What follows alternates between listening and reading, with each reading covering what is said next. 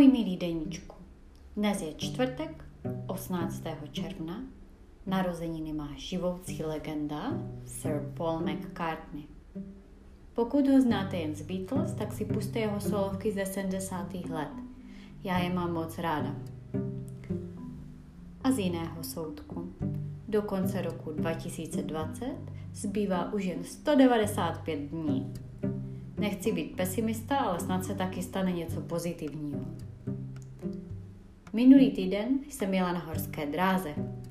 Některé dny jsem byla plná energie, byla jsem schopná vyběhnout do šestého patra s desetikilovým miminkem v nosítku a dělat věci. Tyto dobré dny jsou ale zpravidla potrestány propadem do bezesné noci, kterou následuje den na houby. Takový den jsme všichni doma měli v pátek. A já jsem si říkala, že víkend nedám a naplánovala jsem si aktivity. Je vidět, že matkou už jsem krátce.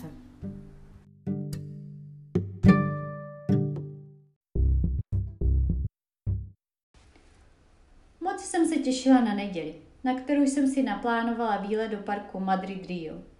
43 km dlouhý park na nábřeží řeky Manzanares, který svou plochou pohřbil ošklivou rychlostní silnici. Je považovaný za urbanistický zázrak. Je to taková madridská oáza. Naplánováno jsem to měla krásně, včetně zastávky v restauraci, kde údajně servírují tu nejlepší chobotnici na galicijský způsob. Jenže plán vzal za své hned v časných hodinách hraních. Vzbuzená nočním brekem jsem si pod mě místo na miminko sáhla na sálající kamna. Teda, chvíli mi trvalo, než mi došlo, že ty kamna vážně jsou moje miminko. V tu chvíli mi naběhl adrenalin. Jako šílená rozrážím dveře ložnice s dítětem v náručí a na spícího muže křičím Hoří nám dítě!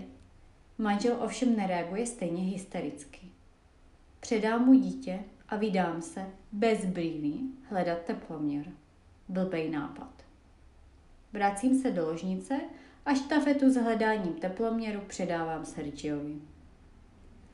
A já se jdu znovu přesvědčit, že Mila vážně hoří. Jenže mi tak trochu nesedí, že se na mě z noci směje. Až na srdíčko, které jí kluče jako zvon, se mi zdá normální. No dobře, uklidním se. Nic není tak horké, jak se uvaří. Ale to už je tu teploměr a první měření.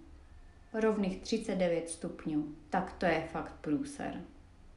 Tomu levnému teploměru nevěřím a s druhým měřením mi vychází 36,5. Tak to už je určitě špatně. Ze záhroby se mi posmívají všichni ti movití muži, co nebyli tak bohatí, aby si kupovali levné věci.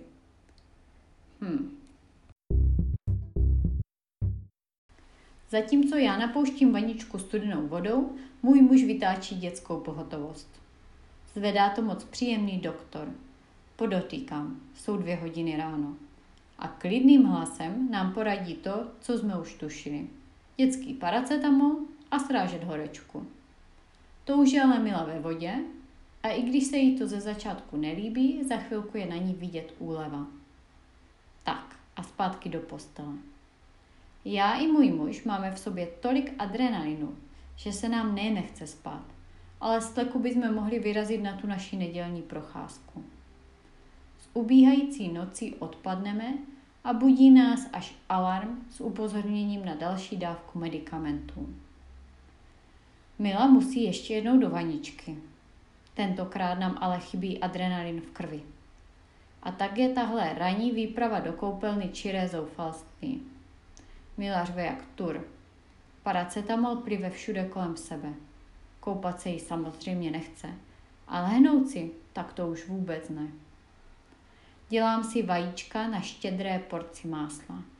Takový, jaký bych si dala po propité a protancované noci ale to patří do života, který je vzdálený milion let.